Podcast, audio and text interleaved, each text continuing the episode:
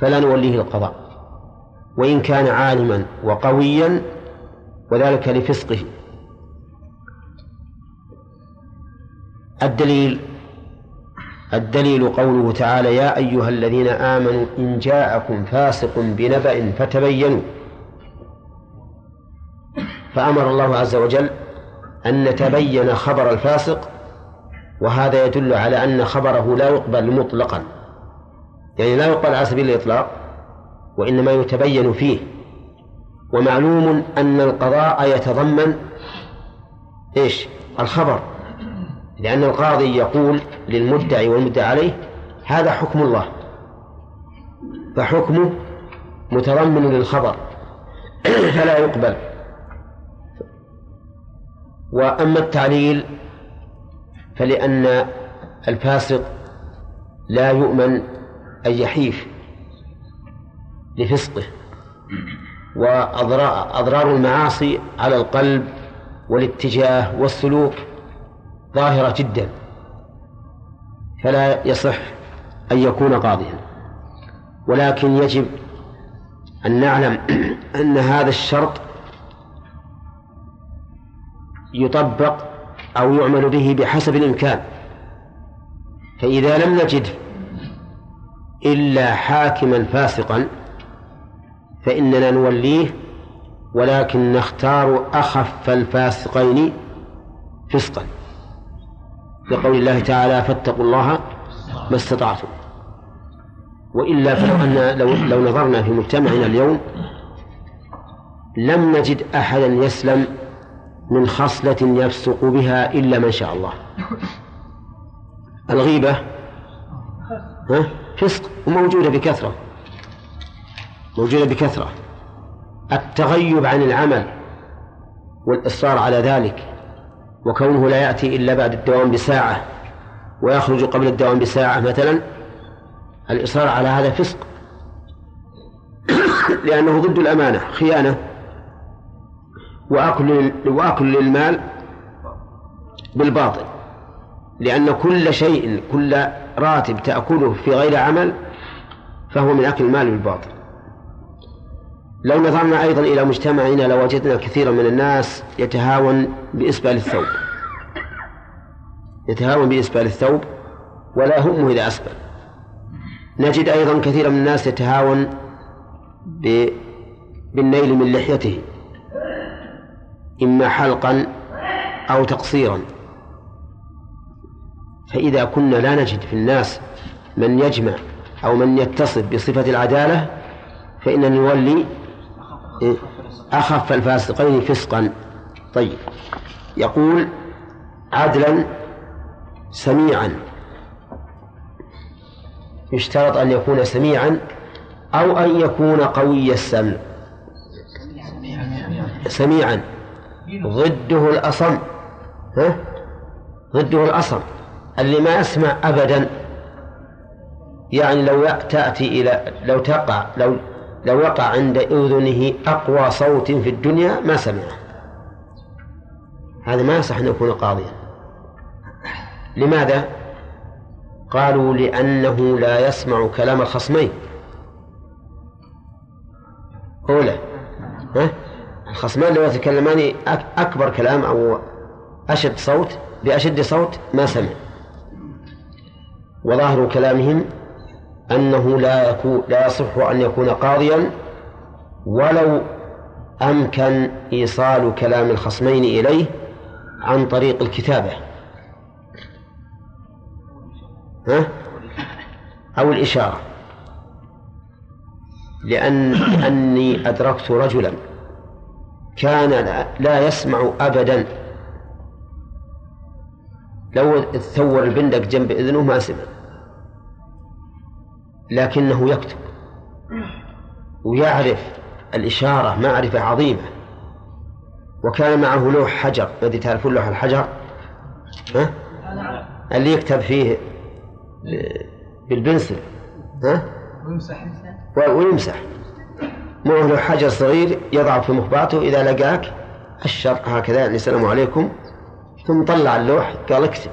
يعني كان جاي أخبار ولا شيء. ولهذا كان هو من أعلم الناس بالأخبار حتى أخبر الدول وغيره يعلمها. لأنه حريص على تلقي الأخبار سبحان الله العظيم. يحس بنفسه أنه إذا لم يفعل هذا ما ما, ما علم بشيء. فتجده إذا لقي أو أي واحد سلم عليه وطلع هذا من جيبه وقال اكتب فكان عنده علم كثير.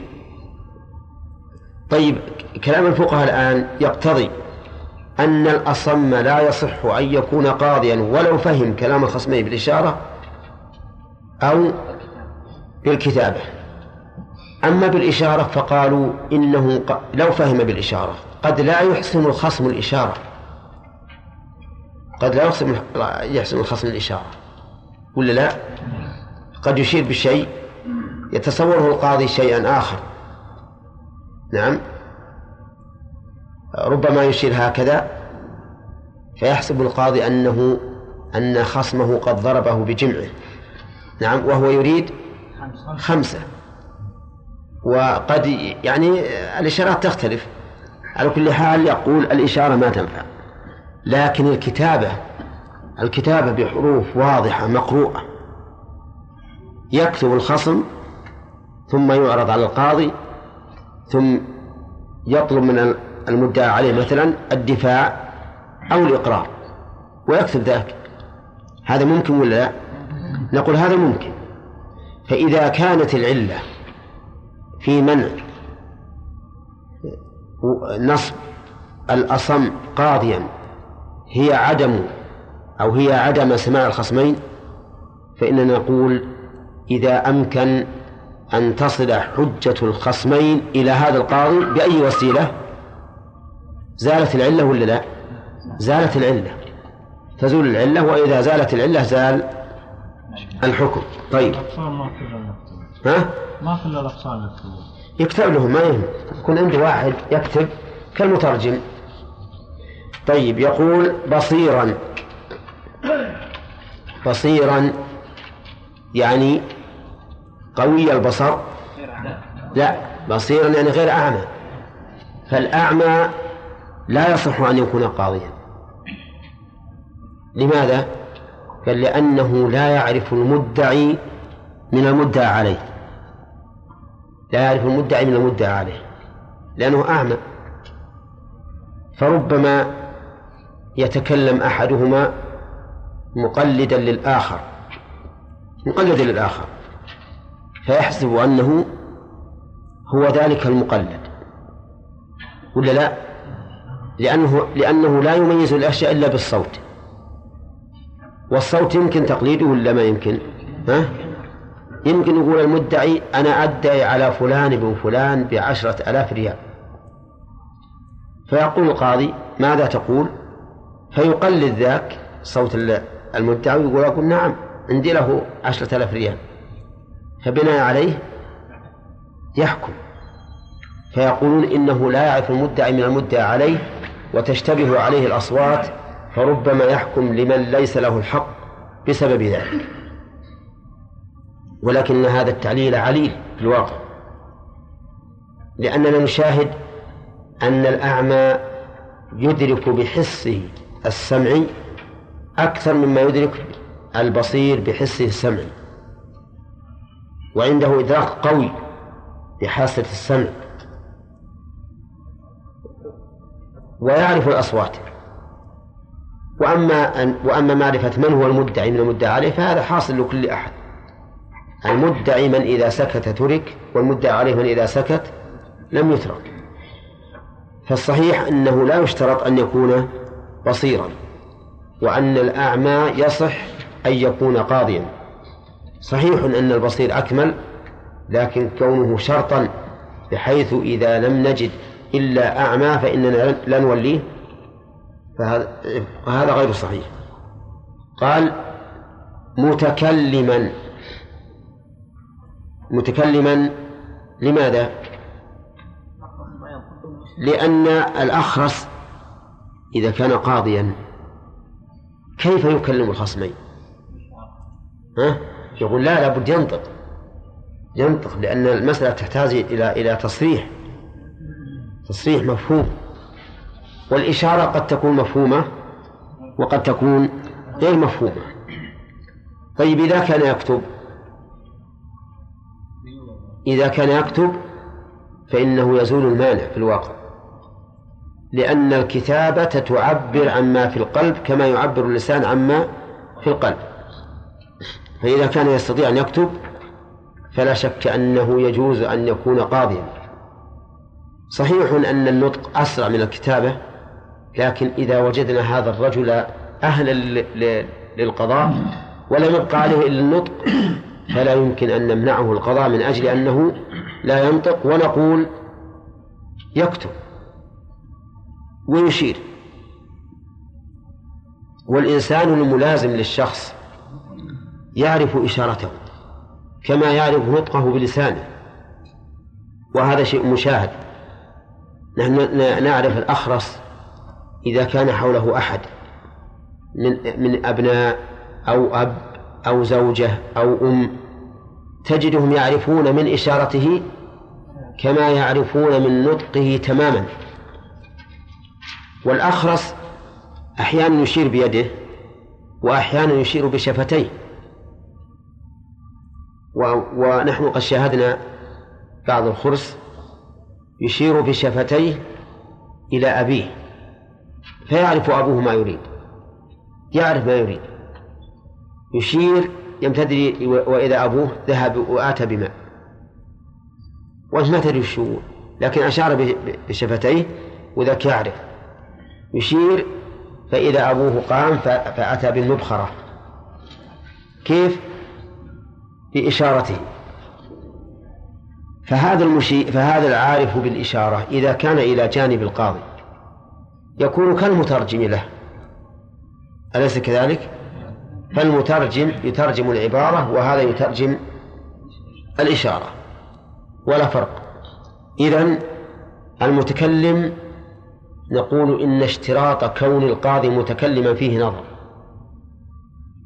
وأنه يجوز أن يولى الأخرس بشرط أن تكون إشارته معلومة أو كتابته مقروءة. فإذا حصل هذا أو هذا صح أن يكون قاضيا. طيب مجتهدا. هذه هذه مشكلة. لا بد أن يكون القاضي مجتهدا والاجتهاد نوعان. اجتهاد مطلق وهو الاجتهاد في في أقوال العلماء كلهم بحيث يطبق هذه الأقوال على النصوص ويختار ما هو الصواب. والثاني اجتهاد في المذهب يعني هو ما يخرج عن المذهب ولا يطالع أقوالا سوى المذهب لكنه في المذهب مجتهد يقارن بين الأقوال ويعرضها على الكتاب والسنة ويعرف الراجح من المرجوح. بل ظاهر كلامهم أنه إذا عرف الراجح من المرجوح ولو باعتبار كلام فقهاء المذهب فإنه يسمى مجتهدا في مذهبه. فالمجتهد في مذهبه إما أن يكون ممن يعرض أقوال أصحاب المذهب على الكتاب والسنة ويعرف الراجح أو يكون ممن يعرف ممن يعرض أقوال أصحاب المذهب على أئمة المذهب وينظر ما, ما, ما عليه الأئمة فيختاره وأظن الفرق بين الصورتين واضح. ها؟ الفرق بين الصورتين. المجتهد في مذهبه قلت يمكن أن يجتهد في مذهبه باعتبار أدلة الكتاب والسنة أو باعتبار أئمة المذهب. في الأول يعرف الأقوال في مذهبه ثم يعرضها على الكتاب والسنة. والثاني يعرف الأقوال في مذهبه ثم يعرضها على أئمة المذهب فما كان عليه أئمة المذهب أخذ به. ولا يلتفت الأدلة ولا ينظر فيها. واضح؟ طيب. خرج بذلك المقلد. المقلد الذي لا يجتهد أبدا. يأخذ مثلا الروض المربع ويمشي عليه. يأخذ المنتهى الإرادات ويمشي عليه. يأخذ الإقناع ويمشي عليه. ولا ينظر في الأقوال. ولا يقارن بينها فهذا لا يصح أن يكون قاضيا. ليش؟ لأنه مقلد غير مجتهد. ما يقارن بين الأقوال ويختار الأرجح. والمقلد قال ابن عبد البر إنه ليس من العلماء بإجماع العلماء. وصدق لأن الله يقول اسألوا أهل الذكر إن كنتم لا تعلمون. فمن يحتاج إلى الرجوع إلى قول غيره ليس من أهل الذكر وليس من أهل العلم. على هذا نقول يشترط في القاضي أن يكون مجتهدا. ثم قسمنا الاجتهاد إلى قسمين. مطلق ومقيد. المطلق هو الاجتهاد المطلق هو الذي ينظر صاحبه في أقوال أهل العلم جميعا ويرجح منها ما رجحه الكتاب ما رجحه الكتاب والسنة. هذا مجتهد مطلق. المجتهد المقيد المجتهد في مذهبه وهذا له إيش؟ صورتان الصورة الأولى أن يكون مجتهدا في مذهبه يعرض أقوال المذهب على الكتاب والسنة ويرجح ما رجحه الكتاب والسنة. والثاني مجتهد في مذهبه في أئمة المذهب. لا في الأدلة فما كان عليه الأئمة من المذهب أخذ به. وترك الباقي. بقي قسم الرابع وهو المقلد هذا لا حظ له في القضاء ولا يجوز أن يولى القضاء لأنه مقلد كما أن المقلد لا يجوز أن يفتي المقلد لا يجوز أن يفتي وإنما إذا أراد أن يفتي ودعت الضرورة إلى سؤاله يقول قال الإمام أحمد قال صاحب الكافي قال صاحب الإقناع فينسب القول إلى قائله. كما أن كما أن العامي إذا سمع عالما من العلماء يتكلم بشيء فإنه لا يفتي به. ولكن يقول قال العالم الفلاني كذا وكذا.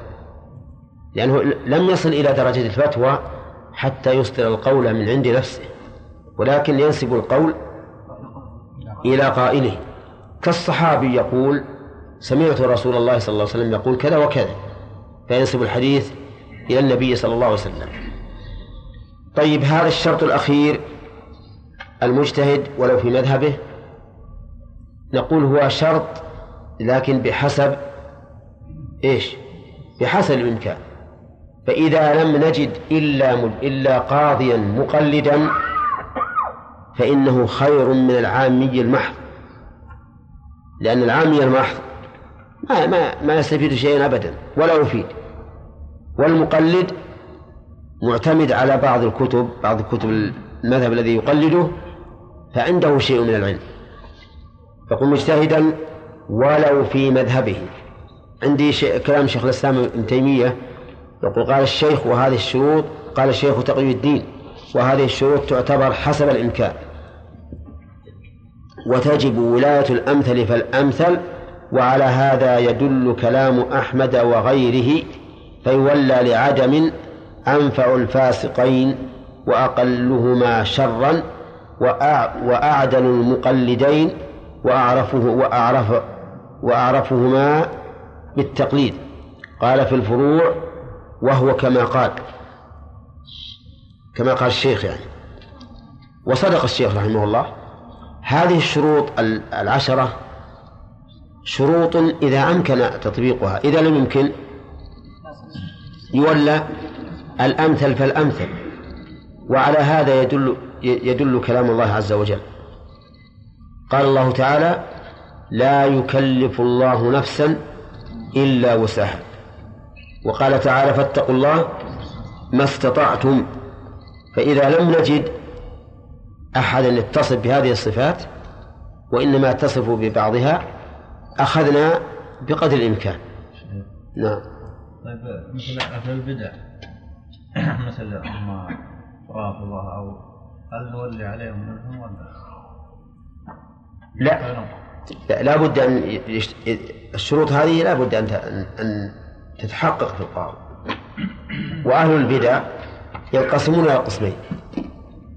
أهل بدع مكفرة هؤلاء انتفى منهم شرط الإسلام. وأهل بدع مفسقة هؤلاء انتفى منهم صفة العدالة. هنا نعم. لكن ما نقول إنه مثلا يعني عند شرط قوله مسلم. نعم. لكن هذا مسلمين لكن عندهم بدع إي نعم. قال مسلما عدلا. نعم. عدلا. فهذه البدع إذا كانت مفسقة فإن صاحبها لا يولى لا على أهل بدعة. ولا على أهل بدعة. نعم. تعريف العدل من يفعل الواجبات دون النوافل دون النوافل نعم. ويترك المحرمات. لو ترك الوتر عقل الإمام اي نعم. الوتر يقول الإمام أحمد إنه من تركه فهو رجل سوء لا ينبغي أن تقبل له شهادة. قال لأن تهاونه بالوتر يدل على تهاونه بالشهادة. هذا أتى به من من عدم الأمانة. نعم. ما مدى تأثير البدعة على العدالة؟ إيش؟ مدى تأثير البدعة على العدالة؟ إي نعم. البدعة يقولون إنها إذا كانت بدعة مكفرة للمجتهد فهي مفسقة للمقلد. كل بدعة تكفر المجتهد فهي تفسق المقلد. يعني المقلد ما عنده علم. نعم. كان القاضي متعصبا لمذهبه نعم. لا يأخذ إلا بقول الإمام. وهل يولى القضاء؟ إذا إذا نعم. يولى القضاء إذا لم يجد مجتهدا في النصوص. لأن المجتهد في المذهب ذكرنا أنه ينقسم إلى قسمين مجتهد في أقوال الأئمة ومجتهد في النصوص. فالمجتهد في النصوص في المذهب مقدم على المجتهد في أقوال الأئمة. نعم. بعدم جواز تولية المرأة القضاء بالنسبة لتولية عائشة قضاء في معركة الجنة أن ولية القضاء أي نعم. هذا يحمل على أنه من خصائص أمهات المؤمنين. من خصائص أمهات المؤمنين وإذا شئنا أن نقول إنه انطبق عليها الحديث وهي وش الحديث يقول؟ لن يفلح قوم ولوا أمرهم امرأة. فقد حصل بهذا شر عظيم. نعم. يا شيخ في فرق بين المولى والمملوك أي نعم. المملوك هو العبد. الذي يباع ويشترى. والمولى هو المعتق. ويطلق على المولى من أسفل. يقال هذا مولى بن عمر أي عتيقا ها؟ إيه يولى. المولى يولى القضاء. نعم. إذا كان إذا كان القاضي يحف لحيته يعني يحف لحيته يعني من أعلى العارض من أعلى العارض نعم. يعني يحلق بعض اللحية. نعم هنا يعني هذا إيه؟ بعضهم يقول ان إن في هذا خلاف العلماء ولا اللي نرى أن هذا حرام لأنه من اللحية. نعم. لا مسألة هذا الفسق الفسق بفعل المعاصي. هذا سيأتينا إن شاء الله في كتاب الشهادات البحث فيه إذا كان محرم فهي معصية إيه لكن المعصية تفسق لكن هل إنها تفسق وتزيل الولاية؟ أو نقول إن الولاية شيء والفسق شيء آخر؟ لأن من الناس من يكون فاسقا لكن ولايته من أت من أتم ما يكون من الولايات. هنا نعم. بالنسبة للذي ذكرت القاضي هل يكون مقيد بالقضاء؟ لا بالقضاء وغير القضاء. كل ما اشترط فيه العدالة فإنه يعتبر بما ذكرنا في القاضي. ها؟ في مترجم القاضي؟ ها؟ الشروط التي اشترطناها في القاضي. هل اشترطها في المترجم القاضي؟ في المترجم؟ لا ما يشترط لا. يشترط فيه الأمانة فقط والقوة. نعم. الشيخ إذا كان فعل الرجل متأول نعم. ترك صلاة الجماعة لأنه يراها سنة نعم. تركها فسق نعم. لا. المتأول ينظر هل لتأويله وجه وهو مما يسوغ فيه الاجتهاد فلا يفسق. وإلا لكنا لو قلنا بذلك لفسقنا كل من خالفنا. وفسقنا هو أيضا. هو يعتقد أننا فسقه ونحن نعتقد أنه فاسق. لكن من تبين له الحق وأصر وكان الحق واضحا فهذا قد يفسق وقد يكفر. كان القاضي من الخوارج. نعم. ما يولى لابد أقول لابد أن أن أن يكون عدلا. ولكن كما قلت لكم إذا إذا تعذر وجود هذه الصفات في القاضي فيؤخذ بحسب الإمكان مثل ما قال شيخ الإسلام ابن تيمية. صحيح. صحيح. لأنه لا يستطيع أن يحكم وهو دون البلوغ أو مجنون. اشترط أن يكون ذكرا. هذا صحيح. لكن سيأتينا إن شاء الله في مسألة التحكيم أنه لو حكمت امرأة فلا بأس. لكن أن تولى منصبا عاما هذا لا يجوز. طيب. اشتراط أن يكون مسلما صحيح؟ صحيح. نعم. طيب. اشتراط أن يكون حرا. هذا غير صحيح. لأن العلة التي ذكروها وهي أن العبد مشغول بخدمة سيده ربما تنتفي. بماذا تنتفي؟ بإذن سيده يأذن له. وإذا كان هذا العبد عالما وتمت به الشروط فأي مانع؟ الرق ليس بمانع. إذن القول الراجح في مسألة الحرية أنها ليست بشرط إذا أذن في ذلك من؟ السيد. طيب. سميعا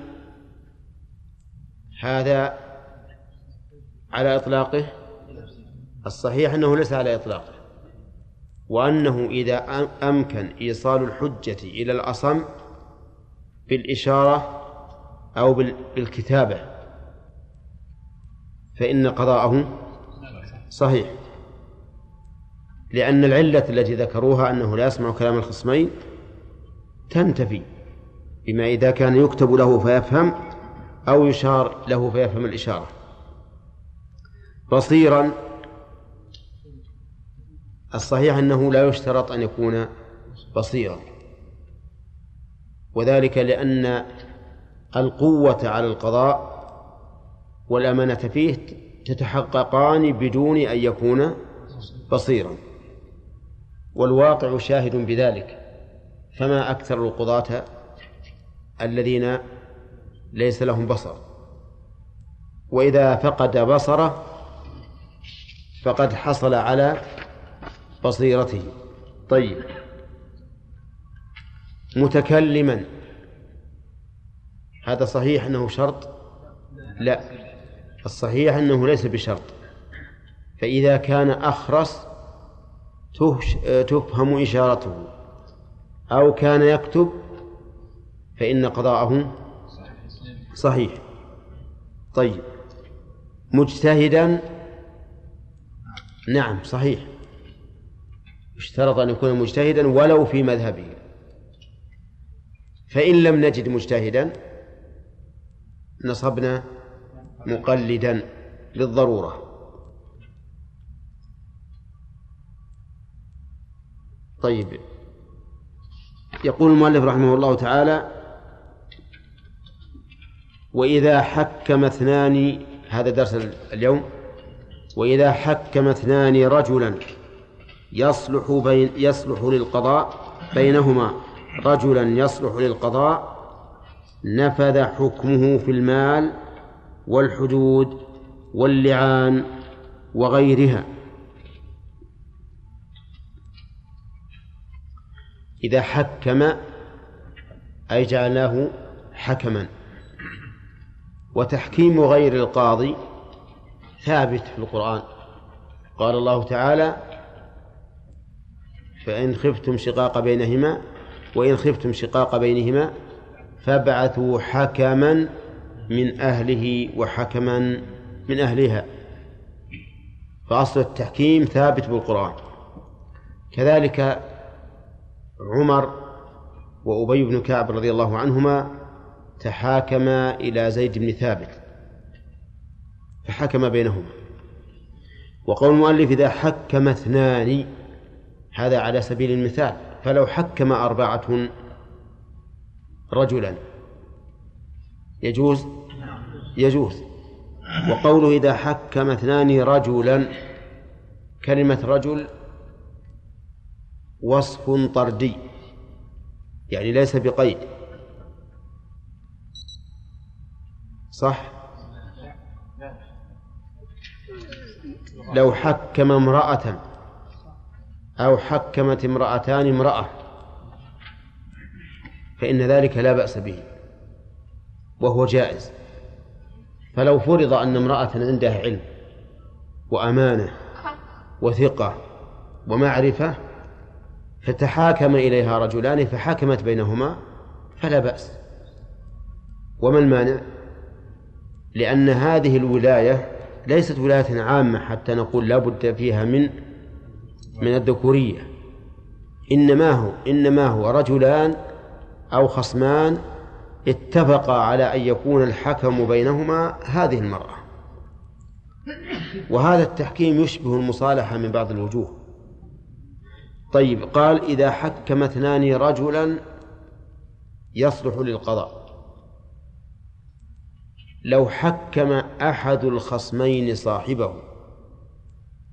الآن اللي فهمنا من كلام المؤلف حكم اثنان رجلا أن هناك مدع ومدع عليه ها؟ وحاك وحكما. لكن لو أن أحد المدعيين حكم الآخر أيجوز ذلك أو لا؟ لا لا. الصحيح أنه يجوز. الصحيح أنه يجوز. طيب وإن كان ظاهر كلام المؤلف عدم الجواز. لكن الصحيح الجواز. فلو أن رجلا ادعى على شخص شيئا ما. فقال له هذا الشخص حكم نفسك. أنا أرضى أن تحكم لي أو علي. فما المانع؟ ما في مانع. فإذا قال قائل إن فيه مانعا لأن المدعي الآن قد لأن المدعي قد حكم لنفسه بالحق لأنه ادعاه. قلنا إن الإنسان قد تختلف حاله عند التحكيم عن حاله عند الدعوة. فيدعي الإنسان شيئا ثم إذا قال أنا ما عندي مانع أنا أحكمك. لا شك أنه سيتراجع عن دعواه. سيتراجع. إما لكونه يخجل ويستحي أو لكونه يخاف الله عز وجل ويهاب الحكم بغير الحق بخلاف الدعوة. على كل حال لا مانع من أن أحد الخصمين يقول الآخر أنت الحكم وإذا جعله حكما لنفسه أو عليها فلا بأس. قال المؤلف رجلا يصلح للقضاء. أي تتوافر فيه صفات القاضي العشر. تتوافر فيه صفات القاضي العشر. لأنه لا يصلح للقضاء إلا من اتصف بتلك الصفات. وهذا الشرط الذي اشترطه المؤلف فيه نظر ظاهر. والفرق بين المحكم والمنصوب من قبل ولي الأمر ظاهر لأن المحكم إنما يحكم في قضية معينة لخصم معين ليست ولايته عامة حتى نقول لا بد فيها من توافر الشروط السابقة. أما القاضي المنصوب من قبل ولي الأمر فحكمه عام يتحاكم الناس إليه سواء حكماه أم لم يحكمه. أما المحكم فإنه ينظر في قضية معينة لخصم معين فكيف نشترط الشروط العشرة؟ إذا قال رجلان نحن نرضى هذا الإنسان وإن كان عبدا كيف نقول لا يصف الحكم؟ إذا قال هذا هذا هذان الخصمان نحن نرضى أن نحكمه وإن كان أعمى. فما المانع؟ إذا قال هذا الخصمان نحن نرضى أن نحكمه ولو كان مقلدا. فما المانع؟ لأن لأن غاية ما فيه أنهما رضياه مصلحا بينهما أو كالمصلح بينهما. ولهذا نص على هذه المسألة الشيخ الإسلام ابن تيمية وقال إنه لا يشترط في المحكم ما يشترط في القاضي. والفرق بينهما كما قلت إيش؟ هو أن الحاكم منصوب من قبل ولي الأمر فحكومته ولاية. وأما هذا فهو محكم من قبل خصم معين في قضية معينة فهو يشبه المصلح بين خصمين. قال المؤلف نفذ حكمه في المال. كيف في المال؟ مثل إيش؟ مثل اي شيء نفذ حكمه في المال مثل ما في ذمتك لي مئة درهم. والثاني يقول ليس عندي شيء.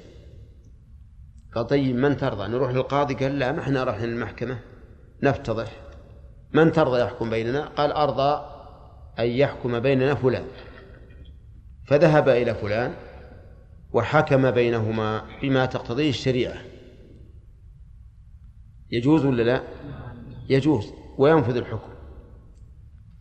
طيب فإن اتفق عليه أن يحكم بينهما ثم رجع أحدهما عن ذلك وامتنع بعد أن اتفق على أن يحكم بينهما فلان قال أحدهما للآخر أنا تراجعت عن ذلك وأريد أن يحكم بيننا القاضي. نعم. هل له ذلك؟ نقول ينظر في هذا. إن كان قد شرع في الحكم فلا يملك الرجوع. إن كان المحكم قد شرع في الحكم فإنه لا يملك الرجوع. لماذا؟ لأنه ربما يتراجع إذا تبين له من كلام المحكم أن الحق عليه. أما إذا كان قبل ذلك فلا بأس. إذا كان قبل أن يتحاكم أي قبل أن يصل إلى مجلس الحكم فلا بأس في هذا. على كل حال نقول إذا شرع المحكم في القضية فلا فلا رجوع. وقبل شروعه في القضية يجوز الرجوع. طيب ونفذ حكمه في الحدود. هل هناك حد يكون بين المتخاصمين؟ الجواب نعم. مثل حد القذف. فإن حد القذف يكون بين المتخاصمين. رجل قذف رجلا فدى عليه المقذوف أنه قذفه فقال أبدا ما قذفتك؟ قال من يحكم بيننا؟ قال فلان. فذهب إلى فلان وحكم بالقذف وأن المقذوف وأن القاذف يجلد ثمانين جلدة. إذا كان المقذوف محصنا؟ أو يعزر إن كان المقذوف غير محصن. ينفذ ولا لا؟ ينفذ. طيب. ما يخالف هو الآن نقول إذا نفذ فكيف ننفذه؟ ننفذ نفس القاضي المحكم يقوم بتنفيذه. يقوم بتنفيذه. سواء كان في بيت المقذوف أو في بيت القاذف نعم إنما لا يمكن أن يقيمه علنا لأن هذا يحصل فيه تلاعب وفوضى. طيب نفذ حكمه أيضا في اللعان. اللعان مر علينا تمثيله وهو أو حقيقته وهو أن الرجل يقذف زوجته بالزنا والعياذ بالله. فيقول إنها زنت. هذا لا يخلو من أحوال. الحال الأولى أن تقر. الحال الثانية أن تنكر ويأتي بشهود. الحال الثالثة أن تنكر ولا يأتي بشهود. الحال الرابعة أن تسكت. لا تقر ولا تنكر. عرفتم؟ الحال الأولى إذا أقرت. قال إنها زنت وأقرت. مصطفى؟ قال إنها زنت فأقرت. ماذا نعمل؟ نقيم عليها الحد. نقيم عليها حد الزنا. أنكرت ولم يأتي بشهود. نقول له إما أن تلاعن أو تحد حد القذف ثمانين جلدة. سكتت. نعم. أنكرت ولكن أتى بشهود. يقام عليها الحد. سكتت. سكتت. ماذا نصنع؟ على القول الراجح نقيم عليها الحد لقوله تعالى ويدرأ عن عذاب أن تشهد أربع شهادة من الله إلى آخره. وقيل تحبس إلى أن تقر أو تلاعن أو يأتي ببينة. طيب على كل حال رجل قذف امرأته بالزنا فطالبته. قالت الله ثبت وإلا أنا أطلب أن تحد حد القذف. فقال إلى إلى أي أحد تريدين أن نرجع إليه؟ أن نرجع. قالت نرجع إلى فلان فنحكمه. فتحاكم عنده وقضى باللعان بينهما. يجوز ولا لا؟ يجوز. قال واللعان وغيرها. نعم. ما حاجة القاضي؟ هذا الرجل هو القاضي. طيب يقول وغيرها. وش غيره؟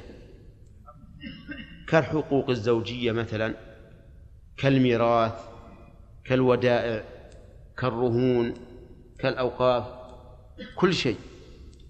المهم أنهما إذا حكما رجلا صار هذا المحكم كالقاضي المنصوب من قبل ولي الأمر. ينفذ حكمه في كل شيء. ثم قال المؤلف رحمه الله باب آداب القاضي. آداب القاضي يعني أخلاقه التي يطالب أن يكون عليها. هذه الآداب. فالآداب هي الأخلاق. آداب القاضي يعني الأخلاق التي يطالب أن يكون عليها إما وجوبا وإما استحبابا. والقاضي من؟ هو المنصوب من قبل ولي الأمر ليقضي بين الناس. ولا يزال مسمى بهذا الاسم إلى يومنا. قال ينبغي أن يكون قويا من غير عنف كلمة ينبغي إذا جاءت في كلام الفقهاء فهي بمعنى يستحب. وإذا جاءت في كلام الله فالمعنى أنها ممتنع. إذا جاءت منفي بصيغة النفي في كلام الله أو في كلام الرسول صلى الله عليه وسلم فمعناها الممتنع. مثال قول مثاله قوله تعالى وما ينبغي للرحمن أن يتخذ ولدا. وش معنى ما ينبغي؟ يعني ما, ما يحسن أن يكون له ولد أو لا. المعنى ما يمكن يعني أنه يمتنع غاية الامتناع. وقال النبي صلى الله عليه وسلم إن الله لا ينام ولا ينبغي له أن ينام يعني يمتنع عليه النوم. أما كلمة ينبغي في كلام الفقهاء فهي بمعنى يستحب. إذا قالوا لا ينبغي لا يستحب. إذا قالوا ينبغي يعني يستحب. طيب يقول ينبغي لكن هذا في اصطلاح الفقهاء على سبيل العموم. أما الإمام أحمد رحمه الله فإن أصحابه يقولون إذا قال لا ينبغي فهو للكراهة وقد يكون للتحريم. قال ينبغي أن يكون قويا من غير عنف. قويا من غير عنف. هذان وصفان أحدهما ثبوتي والثاني سلبي. الثبوتي أن يكون قويا يعني له شخصية وله سلطان لا يكون ضعيفا أمام الخصوم من غير عنف هذه صفة سلبية يعني لا يكون بقوته عنيفا لماذا؟ لأنه إذا كان ضعيفا ضاعت الحقوق وإن كان عنيفا هابه صاحب الحق ولم يستطع أن يدلي بحجته. ولهذا قال بعدها لينا من غير ضعف. نعم. ينبغي أن يكون لينا لأنه لو كان غليظ القلب فظا لهابه صاحب الحق وتلعثم وعجز عن إظهار حجته. ولو كان ضعيفا لضاعت الحقوق ولعب عليه أهل الباطل وصار الخصوم عنده يتناقضون كما تتناقض الديكة. نعم إذا حضرت مجلسه وإذا الصخب. واللغب والشتم والسب وهو ساكت يتفرج. هذا قوي ولا لا؟ ها؟ هذا ضعيف. هذا ضعيف. ولا يمكن أن ولا ينبغي أن يكون هذا القاضي لا ينبغي أن يكون القاضي على هذا الوجه.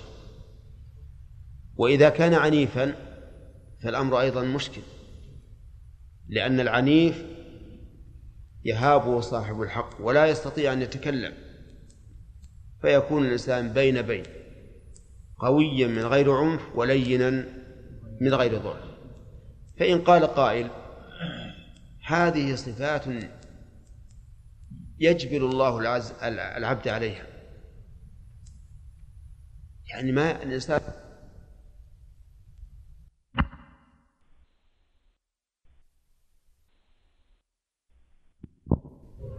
صار عنيفا وإن جبله على الضعف صار ضعيفا ليس أمرا مكتسبا بل هو أمر غريزي كيف تطالبونه بأمر غريزي ما يستطيع أن يتخلق به الجواب جميع الأخلاق الغريزية أو الصفات الغريزية يمكن أن تتغير بالاكتساب ولا لا؟ يمكن أن تتغير بالاكتساب كثير من الناس يكون مثلا عنيفا وشديدا ثم يصاحب رجلا لينا فيلين به ويأخذ من أخلاقه. ولا لا؟ وكثير من الناس يكون ضعيفا ما عنده شخصية لكن يتمرن على تقوية شخصيته حتى يكون قويا. فالفقهاء رحمهم الله ما طلبوا من الإنسان شيئا مستحيلا. طلبوا أمرا إن كان قد جبل عليه فذلك المطلوب. إن لم يجبل عليه ها؟ يحاول اكتسابه يحاول أن يكتسبه. وعلى هذا يحمل قول الرسول عليه الصلاة والسلام لمن قال أوصني قال لا تغضب. أوصني قال لا تغضب. هل الرسول عليه الصلاة والسلام نهاه عن أمر جبلي مطبوع عليه الإنسان؟ الجواب لا لأن النهي عما لا يمكن تنفيذه طلب محال وتكليف بما لا يستطيع لكن لا تغضب يعني لا تعود نفسك الغضب. هذا أيضا القاضي الذي أمرناه أو طلبنا منه أن يكون قويا من غير عنف لينا من غير ضعف. إذا قال والله هذه جبلتي. أنا رجل غضوب وشديد وعنيف. نعم. وش نقول له؟ نقول عود نفسك. عود نفسك. والآخر الضعيف يا رجل تقو خلك هيبة. عند الخصم؟ قال هذا اللي أعطانا الله وش نقول له؟ نقول عود نفسك عود نفسك القوة حتى يكون يكون مجلسك محترما غير ملعوب فيه. قال المؤلف حليما حليما يعني بعيد الغضب. حليما يعني بعيد الغضب أو بطيء الغضب لقول النبي صلى الله عليه وسلم لا تغضب وأحق الناس بهذه الوصية من؟ القضاة لأنه إذا كان سريع الغضب فإن الغضب جمرة يلقيها الشيطان في قلب ابن آدم فتنتفخ أوداجه وتحمر عيناه ويقف شعره ولا يستطيع أن يتصور المسألة ولا تطبيقها على الأحكام الشرعية. ولا لا؟ نعم. ولهذا قال النبي عليه الصلاة والسلام لا يقضي القاضي وهو غضبان. فالذي ينبغي أن يكون حليما. لكن يكون حليما في موضع الحلم. يكون حليما في موضع الحلم ومعاقبا في موضع العقوبة. لأن إذا قلنا كن حليما في كل شيء معناه كتفناه ما يتحرك. فنقول ينبغي أن يكون حليما في الموضع الذي يكون فيه الحلم من الحكمة. نعم. يقول الشاعر ألا لا يجهلن أحد علينا؟ ها؟ فنجهل فوق جهل الجاهلين.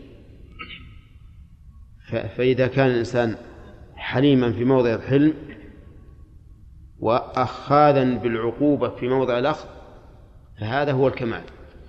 ولهذا ربنا عز وجل قال اعلموا أن الله شديد العقاب وأن الله غفور رحيم. قال ذا أنات. أنات يعني تؤدة وعدم تسرع. يكون متأنيا. فلا يتعجل في الحكم. ضد ذلك المتسرع في الحكم. لأن المقام مقام يحتاج إلى تأن ليتصور المسألة من كل الجوانب. ثم يطبقها على إيش؟ على الأحكام على الأدلة الشرعية. وهذا يحتاج إلى تأن وعدم التسرع. ما تقولون في قاض حضر إليه خصمان؟ فقال أحدهما أدعي على فلان بمئة درهم. قالوا القاضي يلا قم سلم له المئة. هذا قاض ذو أنات ولا لا؟ ها؟ أبدا. ما هو ذو أنات هذا متسرع. بل لا بد أن يتأنى الإنسان القاضي. ولا بد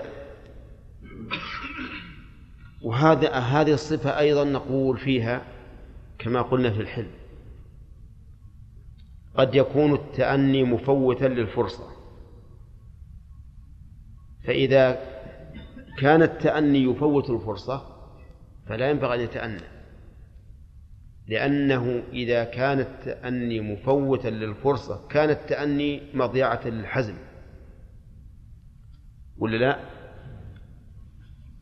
وربما فات قوما جل أمرهم مع التأني وكان الرأي لو عجلوا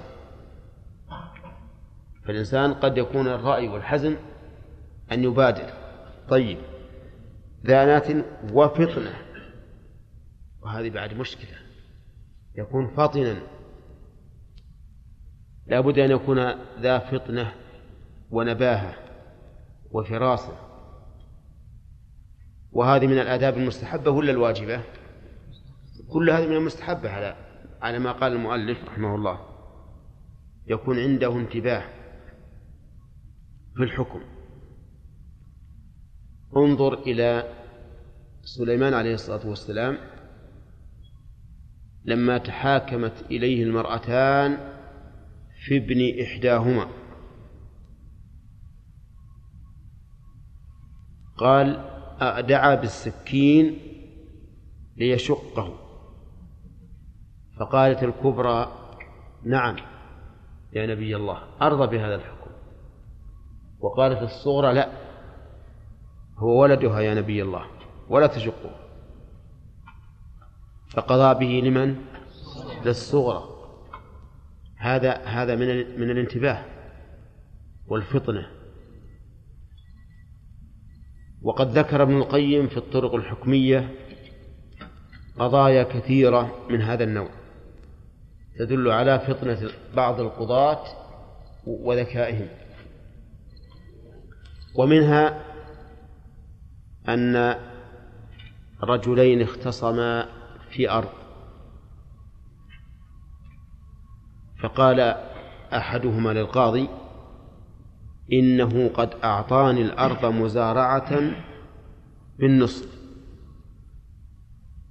وش معنى مزارعة؟ يعني أزرعها أنا وله نصف الزرع. فقال صاحبه أبدا. ما أعطيته إياه. القاضي عنده فطنة. بفراسته رأى أن الصواب مع المدعي. رأى أن الصواب مع المدعي. الذي قال إنك قد أعطيتنيها مزارعة. فقال للمدعي هل لك عليه بينة؟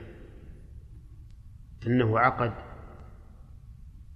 هذا العقد معك قال لا ما عندي بينة. قال طيب إذا ما عندك بينة فليس لك حق. والرجل حتى لو ثبت أنك قد أنه قد عقد لك المزارعة فهذا. هذه القليب يعني البستان وقف وقف. والرجل اختار للوقف ما هو أنفع. فهو أعطاك إياه بالنصف وجاءه آخر وقال أنا يكفيني الثلث. وما دام ما دام البئر وقفا فأيما أحسن لصاحب الوقف الثلث أو النصف؟ ها؟ الثلثان. يعني أحسن أن يكون الثلث للع... للزارع وثلثها لصاحب البئر. وهذا رجل ناظر وقف وسيحتاط الوقف ما تقول؟ يقول القاضي لصاحب القريب. ما تقول؟ أليس الأمر كذلك؟ قال بلى. نعم. هذه فراسة. فقال القاضي لصاحب البئر أعط المزارع البئر. والقول ما قاله المزارع أفهمتم الآن؟ طيب. فمثل هذه الأشياء يعني كون الإنسان القاضي يوهم خلاف الواقع لأجل استنباط الحكم من المدعى عليه أو من المدعي هذا من الفطنة التي ينبغي أن يكون القاضي عليها. نعم. الآن جاء دور الأسئلة نعم. إذا قلنا يا شيخ أن المحكم هو الذي يقيم الحدود أليس هذا افتيات على الإمام؟ ونحن نقول إن الحدود لا لا يقيمها إلا الإمام. أي نعم. الحدود ال- ال- التي لله كالزنا هذه للإمام. والحدود التي للآدميين كالقذف هذه للآدمي يعني في؟ لا. ما له يحكم في ثبوت الزنا أو انتفاعه. لا في الحدود الجنس مرادها الجنس. الجنس يشمل وا- الواحد. نعم. ها؟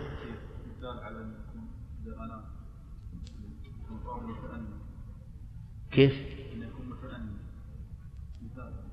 ذكرنا ضد المتأني المتسرع. قلنا لو تحاكم إليه خصمان فلا فأدلى المدعي بحجته فقال القاضي نعم.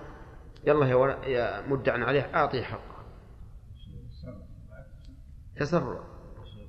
التأني يصبر وينتظر ويدرس القضية من جميع الجوانب خصوصا بعض القضايا المعقدة. أما المسائل البسيطة هذه يبت فيها لكن بعض المسائل المعقدة مثل مواريث منذ زمن طويل أو مسائل جماع أو أشياء تحتاج الاحتياط هذه يجب أن يحتاط فيها.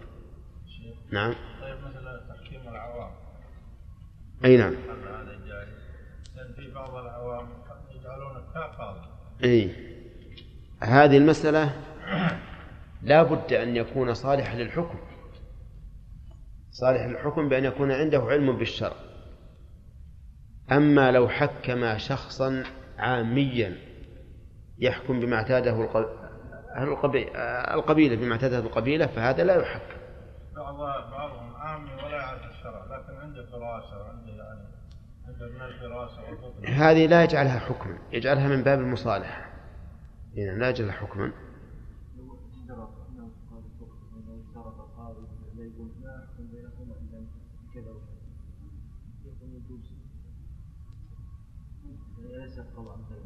ما هو بصحيح كلامهم هذا ما هو بصحيح أقول كلام الفقهاء رحمهم الله في هذه المسألة غير صحيح. يعني الفقهاء يقولون لو قال القاضي للخصمين لا أقضي بينكما إلا إذا أعطيتني 100 ريال مثلا. فهذا إن كان له رزق من بيت المال فلا شك أن هذا حرام عليه. لأنه يشبه هدايا الغلول يشبه هدايا الغلول. وإن لم يكن له شيء من بيت المال فهذا قال بعض الفقهاء يجوز أن يسأل ما يدفع به حاجته. والصحيح أنه لا يجوز لأن, هذا يفتح باب شر. ربما القاضي يحكم لمن يعطيه لما يعطيه أكثر وربما ترد عليه قضيتان. فيقول لأحد لصاحب القضية الأولى فلان أعطانا ألفين ريال. وأنت ما أعطيتني إلا ألف. اصبر. حتى أقضي لفلان.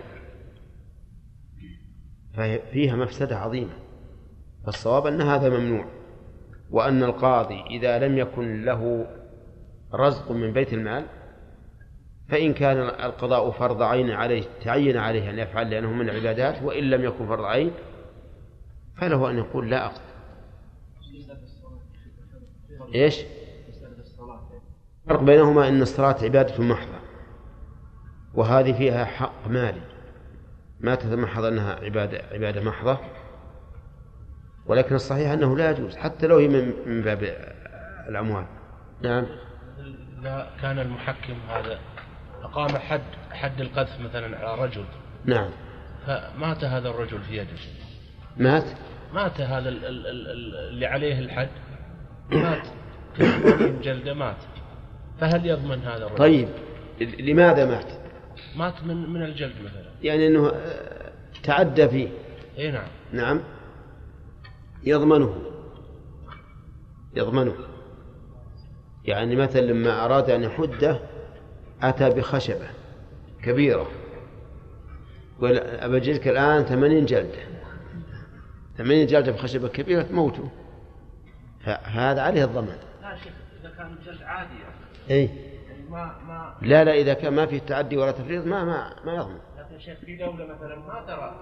من, من مات في حد ما مرت علينا هذه فالحق قتله.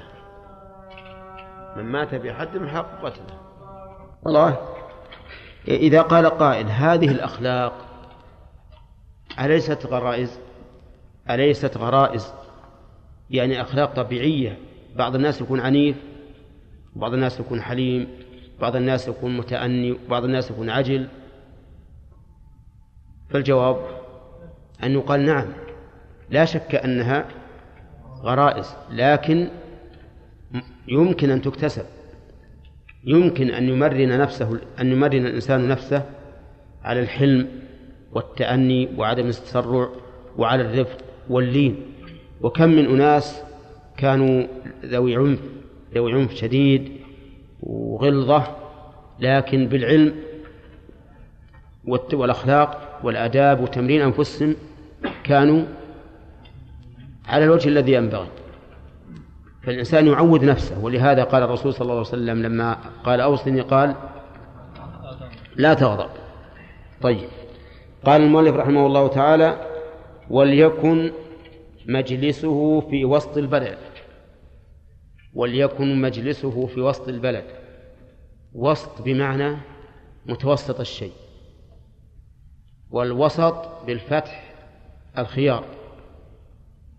فليكن المجلس في وسط البلد لأنه قاض لأهل البلد كلهم. فلو كان في جانب منه لشق على أهل الجانب الآخر. وعلى هذا فينظر إلى قصبة البلد يعني وسطها ويكون مجلس القاضي هناك سواء كان في بيته أو في مكتب آخر. فسيحا فسيحا هذه خبر آخر لي ليكن يعني وليكن فسيحا لأنها لأنه قد تكثر الخصوم. فيضيق بهم. ولأن المكان الفسيح أوسع للصدر وأشرح. فكلما كان المكان فسيحا كان انبساط الإنسان فيه أكثر وصدره أرحب وأوسع. قال قال رحمه الله تعالى و ويعدل من هنا بدأت الآداب الواجبة. قال ويعدل بين الخصمين. الجملة الاستئنافية هنا ويعدل خبر بمعنى الأمر. يعني يجب عليه أن أن يعدل بين الخصمين. لقول الله تعالى إن الله يأمر بالعدل والإحسان. وقوله إن الله يأمركم أن تؤدوا الأمانات إلى أهلها وإذا حكمتم بين الناس أن تحكموا بالعدل. ولقول النبي صلى الله عليه وسلم اتقوا الله واعدلوا بين أولادكم فأمر بالعدل بين الأولاد وكذلك بين بين غيرهم ممن يتساوون في الحق في الحقوق. فيجب أن يعدل بين الخصمين. وقوله بين الخصمين يشمل ما إذا كانا كافرين أو مسلمين أو أحدهما كافر والآخر مسلم. فيجب عليه أن يعدل بينهما لأن المقام مقام حكم يستوي فيه المحكوم جميع يستوي فيه جميع أفراد المحكوم عليهم أو لهم. فيجب أن يعدل بين خصمين أيا كان كانت ديانتهما في لحظه ولفظه ومجلسه ودخولهما عليه. طيب كم هذه؟ أربعة.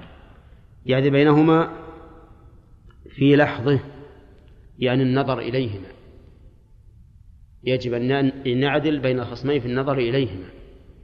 لا ينظر إلى أحدهما نظرة رضا وإلى الآخر نظرة غضب. إذا نظر إلى أحدهما فإذا عيناه تتطاير شررا وإذا نظر الآخر وإذا عيناه باردتان. هذا لا يجوز لأن الذي ينظر إليه النظر الأول وإن كان محقا سوف يهاب ويخشى.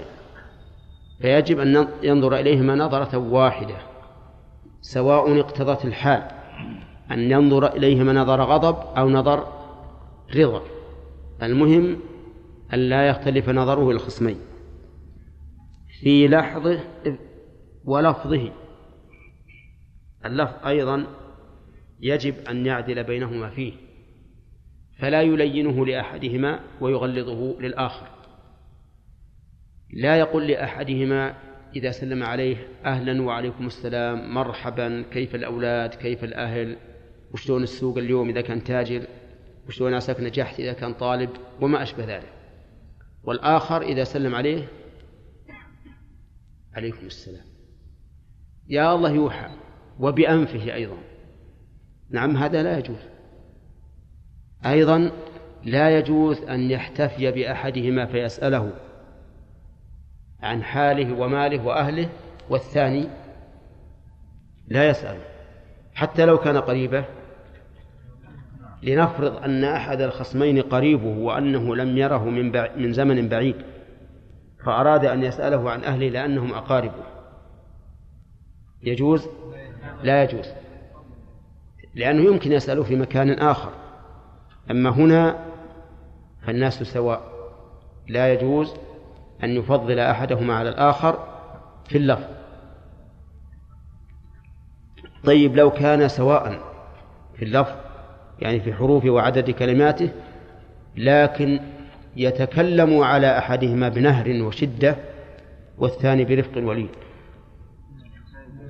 إذن في اللفظ من حيث عدد الكلمات ومن حيث كيفيته ونبرات الصوت. كذلك أيضا مجلسه مجلسه يعني ما يخلي واحد على اليمين وواحد يقول رح هناك. نعم. أو واحد يقول تعال هنا على الفراش والثاني رح هناك على الخصاف ما يمكن. يكون المجلس واحد في الدنو منه. وكذلك في نوع ما يجلس عليه. فلا يفضل أحدهما الآخر. واضح؟ ويحكى أن بعض القضاة دخل عليه رجل وحده فجلس إلى جنبه فأكرمه القاضي. أكرمه وسأله واحتفى به فدخل رجل آخر فجلس جلوس عادي في المكان فقال يا شيخ هذا أنا أدعي على فلان بكذا وكذا. قال أنت خصم؟ قال نعم. قال قم عن هذا المكان. اجلس مع صاحبك. وهكذا يجب أن يعدل بين الخصمين في مجلسه كذلك في دخولهما عليه. ما يقدم لا يقدم أحدهما على الآخر بل يدخلان جميعا. نعم. فلا يقول لأحدهما مثلا إذا وقف أمامه عند الباب لا يقول تفضل يا فلان بل يدخلان جميعا. أو يختصمان فيما بينهما. إن قدم أحدهما الآخر فالحق لهما. لكن باعتبار أن القاضي يدخل أحدهما قبل الآخر هذا لا يجوز. لأن هذا خلاف إيش؟ خلاف العدل. ولا شك أن المقام مقام عدل وأنه لو خولف العدل في هذا المكان لأفضى إلى بطلان حجة من له الحجة وانتصار من ليس له حجة فالواجب العدل. طيب فإن كان الباب لا يسع إلا واحدا. ها؟ يقرع بينهما. إلا إذا اختار أحدهما أن يقدم صاحبه. نعم فالحق لهما. فإن قلت أفلا نقدم الأكبر؟ قلنا لا. المقام مقام عدل. ما نقدم الأكبر؟ ولا نقدم الأقرب ولا نقدم الأشرف ولا نقدم الأوضع بل نقول الحق لكما أن تدخلا جميعا واختصما فيما بينكما. طيب هذه أربعة أشياء يجب عليه أن يعدل بين الخصمين فيها. طيب في السلام إذا سلم أحدهما فهل يرد عليه السلام؟ أو ينتظر لعل الآخر يسلم؟ ها؟ يرد السلام لأن هذا سبق حقه بفعله. الذي سلم سبق حق الرد عليه بفعله بفعل الخصم مو بفعلي أنا. فإذا سلم يقول والله ما أرد عليك السلام لأن سلم صاحبك علشان أعدل بينكما هذا لا يجوز. إذا سلم فرد عليه السلام. طيب سلم أو سلم أحدهما واكتفى به الآخر ثم جلس. ثم جلس. فانبسط إليه أحد الخصمين. وقام يسألك كيف أنت كيف حالك وشنو أثر اللي معك وشلون عيونك وشلون أذانك وشلون سنونك وش نقول ها؟ هل يقول أسكت؟ ولا يسكت حتى ينظر إلى الخصم الآخر؟ ها؟ كيف؟ أي نعم. إن سكت مصيبة الحقيقة. وإن وإن سكت للآخر حتى يعدد مثل ما عدد الأول ضاع عليه الوقت.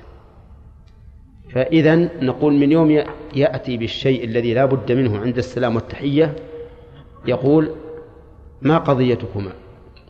فيبادر حتى لا يضيع عليه الوقت. قال المؤلف وينبغي صار من الآداب الواجبة إيش؟ العدل. العدل لا ما أربعة. العدل في هذه الأمور وفي غيرها أيضا لكن المؤلف نص على هذه الأمور لأنها أدق شيء في الموضوع وربما لا يلقي لها بعض القضاة بالا ولا يهتم بها.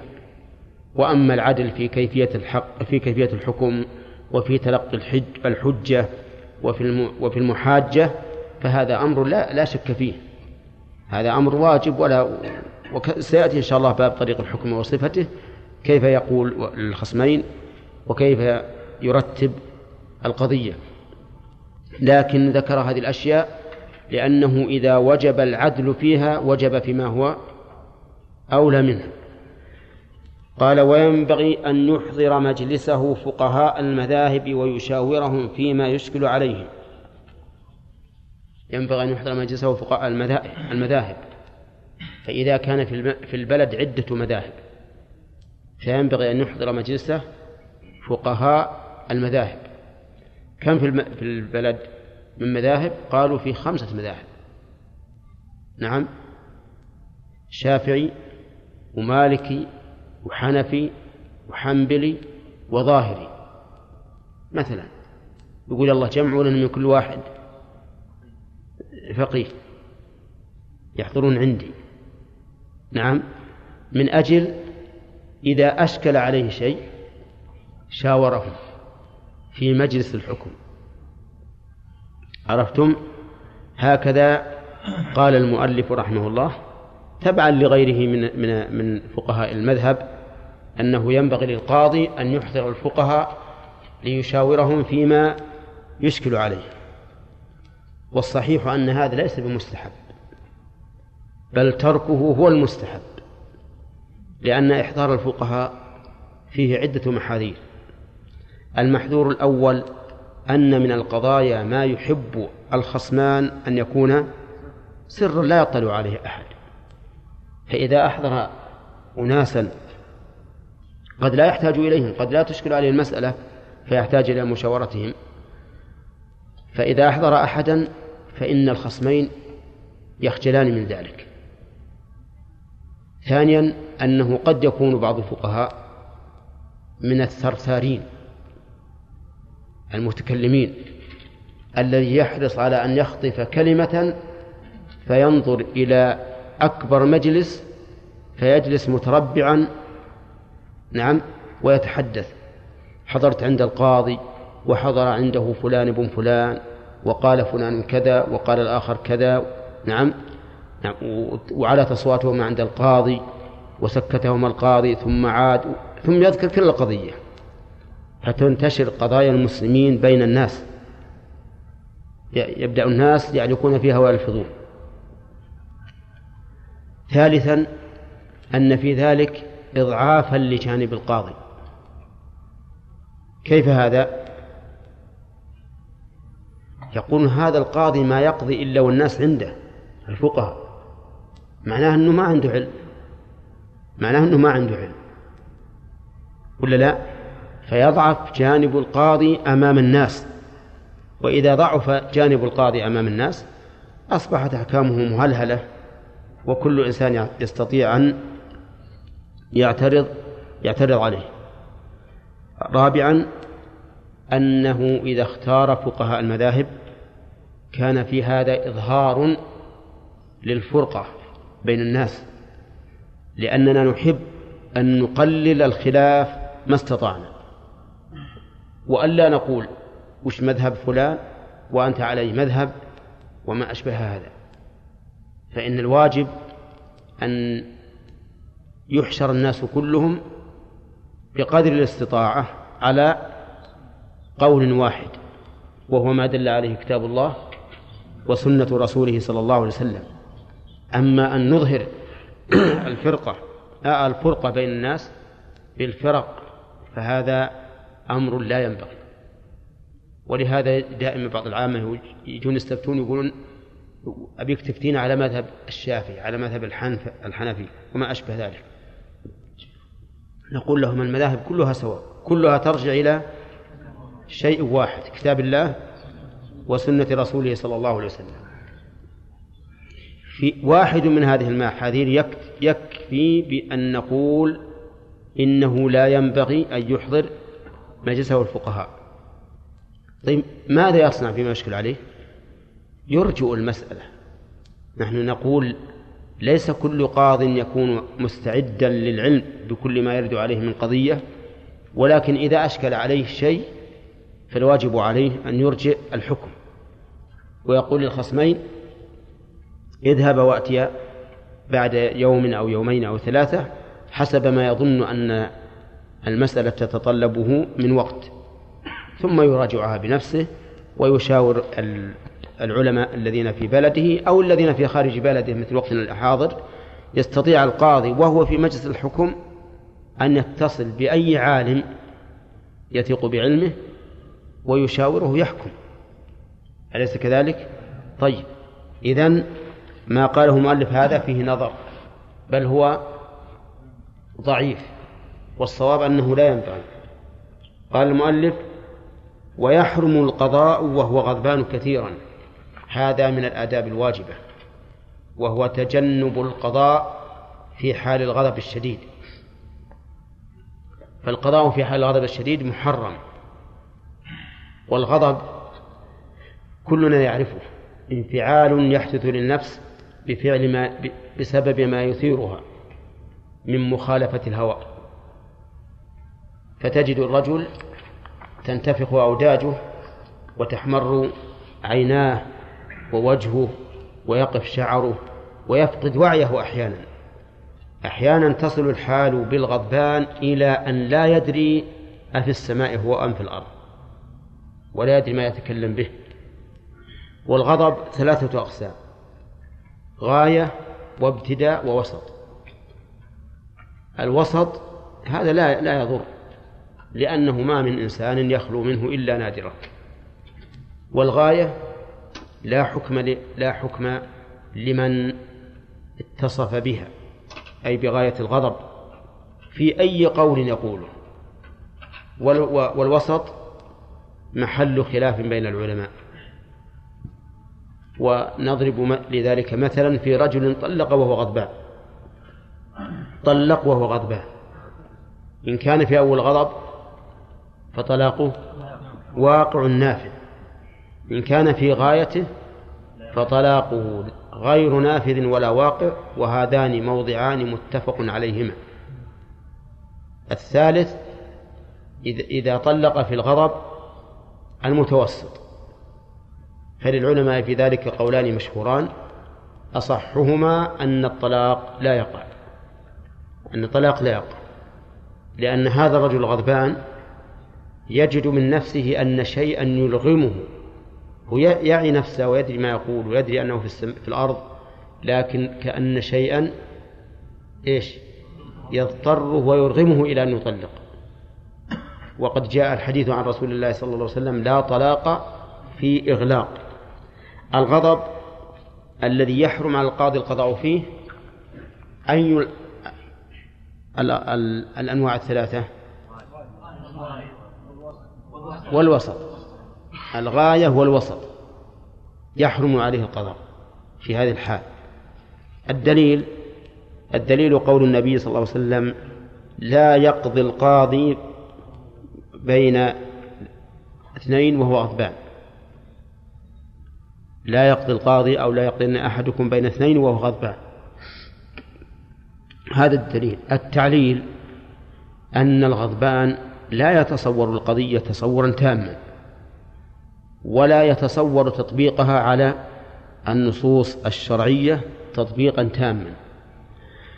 والحكم لا بد أن يتصور الإنسان القضية ثم يتصور انطباق الأدلة عليها لأن الحكم على الشيء فرع عن تصوره والحكم على الشيء لا بد من معرفة الموجب للحكم والغضبان لا يتصور ذلك لا القضية ولا انطباق الأحكام عليها.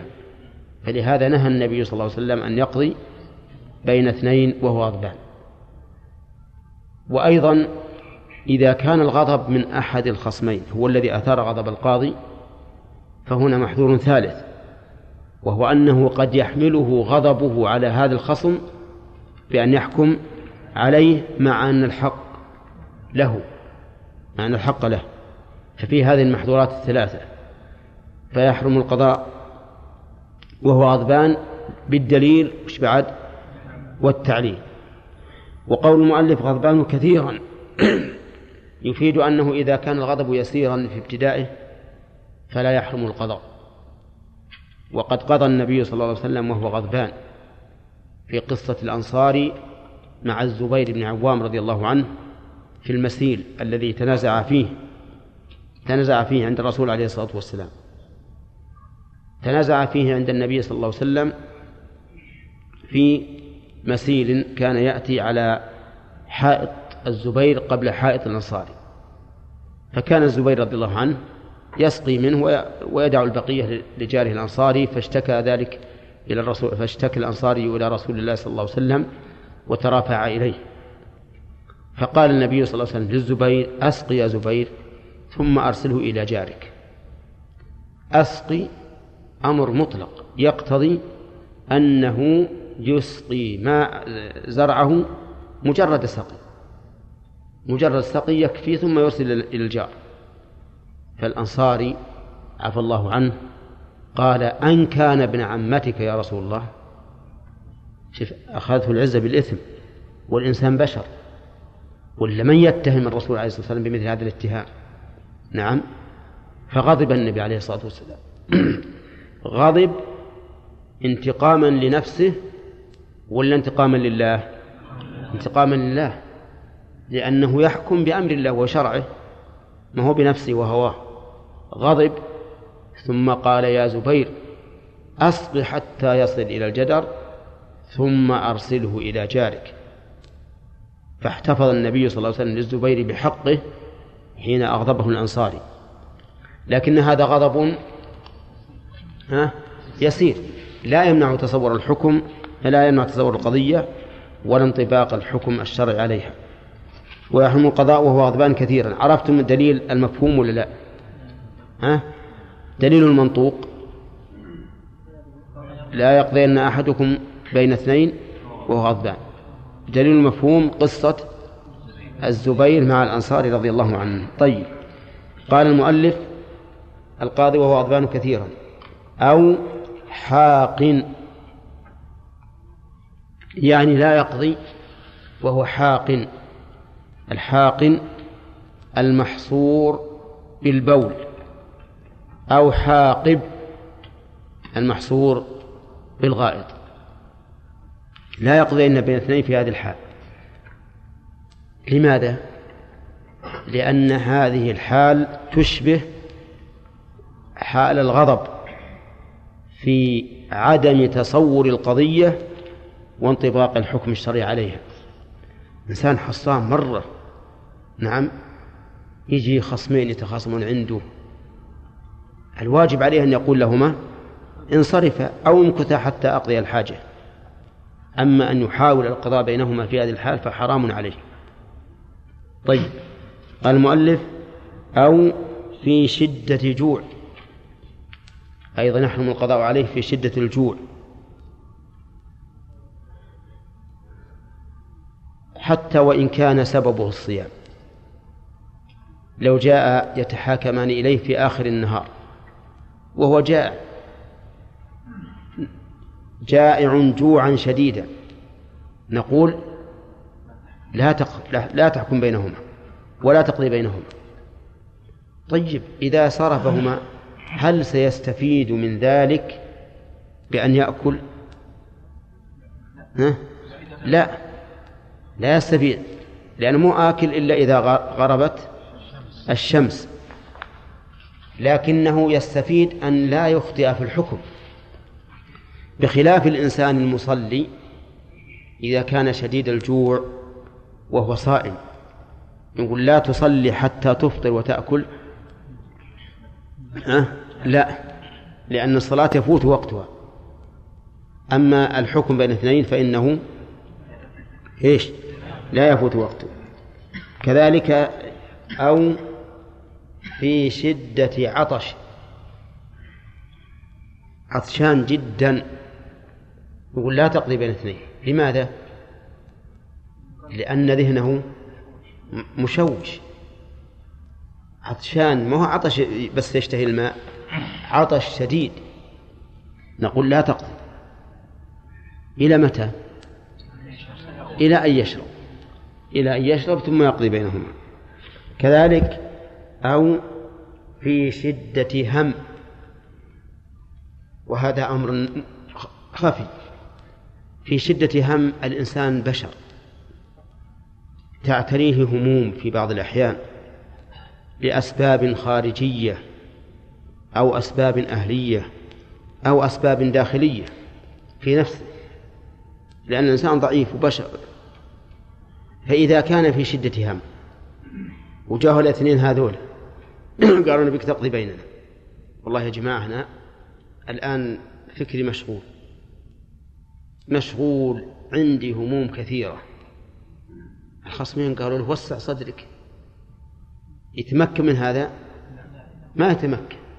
لأن هذا أمر يعتري الإنسان غصبا عليه غصبا عنه لا يريده. فهنا نقول لا تقضي بين اثنين وأنت في شدة هم. ومثله أيضا لو كان في شدة هم من أمر في أهله كما لو كان عنده مريض مرضا مدنفا ما له فكر إنه يبقى يقضي للناس. أو كان مشغولا في أمر الخارج من أمن الخارج. مثل أن سمع انتصار أحد من الكفار على أحد من المسلمين. فانشغل فكره بذلك. نعم. فحينئذ ينتظر حتى يزول ذلك الهم. طيب. المهم صار الهم سواء كان من الخارج أو في أهله أو في نفسه. فإنه لا يتعرض للقضاء في هذه الحال. أو في شدة ملل. ملل؟ كيف ملل؟ إي نعم ملل تعبان. من الساعة الثمان صباحا وهو يقضي بينها الناس. وصابر على أداهم وأصواتهم وصخبهم ولغبهم. لما جاءت الساعة الثانية إلا ربع جاء خصمي. قال يا جماعة أنا الحين تعبت مال. قال ولو باقي على الوقت ربع ساعة. لازم تجلس. له أنه يعتذر ولا لا؟ له يعتذر. لأن بل يجب أن يعتذر. لأن الإنسان بشر. بينما يأتي القاضي في بعض الأيام من أول الدوام إلى آخره ما جاء أحد. فالمهم أنه إذا كان في شدة ملل فالواجب فإنه يحرم عليه أن يقضي بين الاثنين. والعلة هي العلة في مسألة القضاء. قال أو في شدة كسل. كسل؟ وش الكسل إي نعم. يعني مثل ما يقول الناس ميت حيله. نعم. كسلان وفيه نوم وينعس وكل شيء. والخصوم كل خصم فهو أعمى. أصم. لكنه أبكم ولا ولا ينطق؟ ينطق. الخصم أعمى أصم لكن نطقه لسانه عن عشرة. قالوا له كيف يا أخي؟ كيف أنت عندك كسل؟ خليك نشيط. قال والله أنا كسلان. أنا البارح ما نمت إلا الساعة ثلاث. نعم. قبل الفجر بساعة إلا عشر. ما أستطيع. لو أرغموه على أن يقضي وش يقول؟ لا يجوز. لأن هذا حق لله. لو قالوا حنا راضين بكسلك بس احكم باللي تبي. له على له على خطأ يقول لا. ما ما يجوز. طيب أو في شدة نعاس. مثلها أيضا نعاس. ها؟ إي نعم. النعاس يمكن يكون أشد بعد. ها؟ إي نعم. ربما أنه يتكلمون يتكلمون معه وهو يحلم نعم. فيجيبهم بما يحلم به. فالمهم إذا كان في شدة نعاس لا يجوز القضاء. إلى متى؟ حتى يزول النعاس. طيب لو قالوا نحن نجيب لك شاي وقهوة. نعم. يصلح؟ ها؟ يقول جيبوا نشوف نعم. إي نعم. طيب.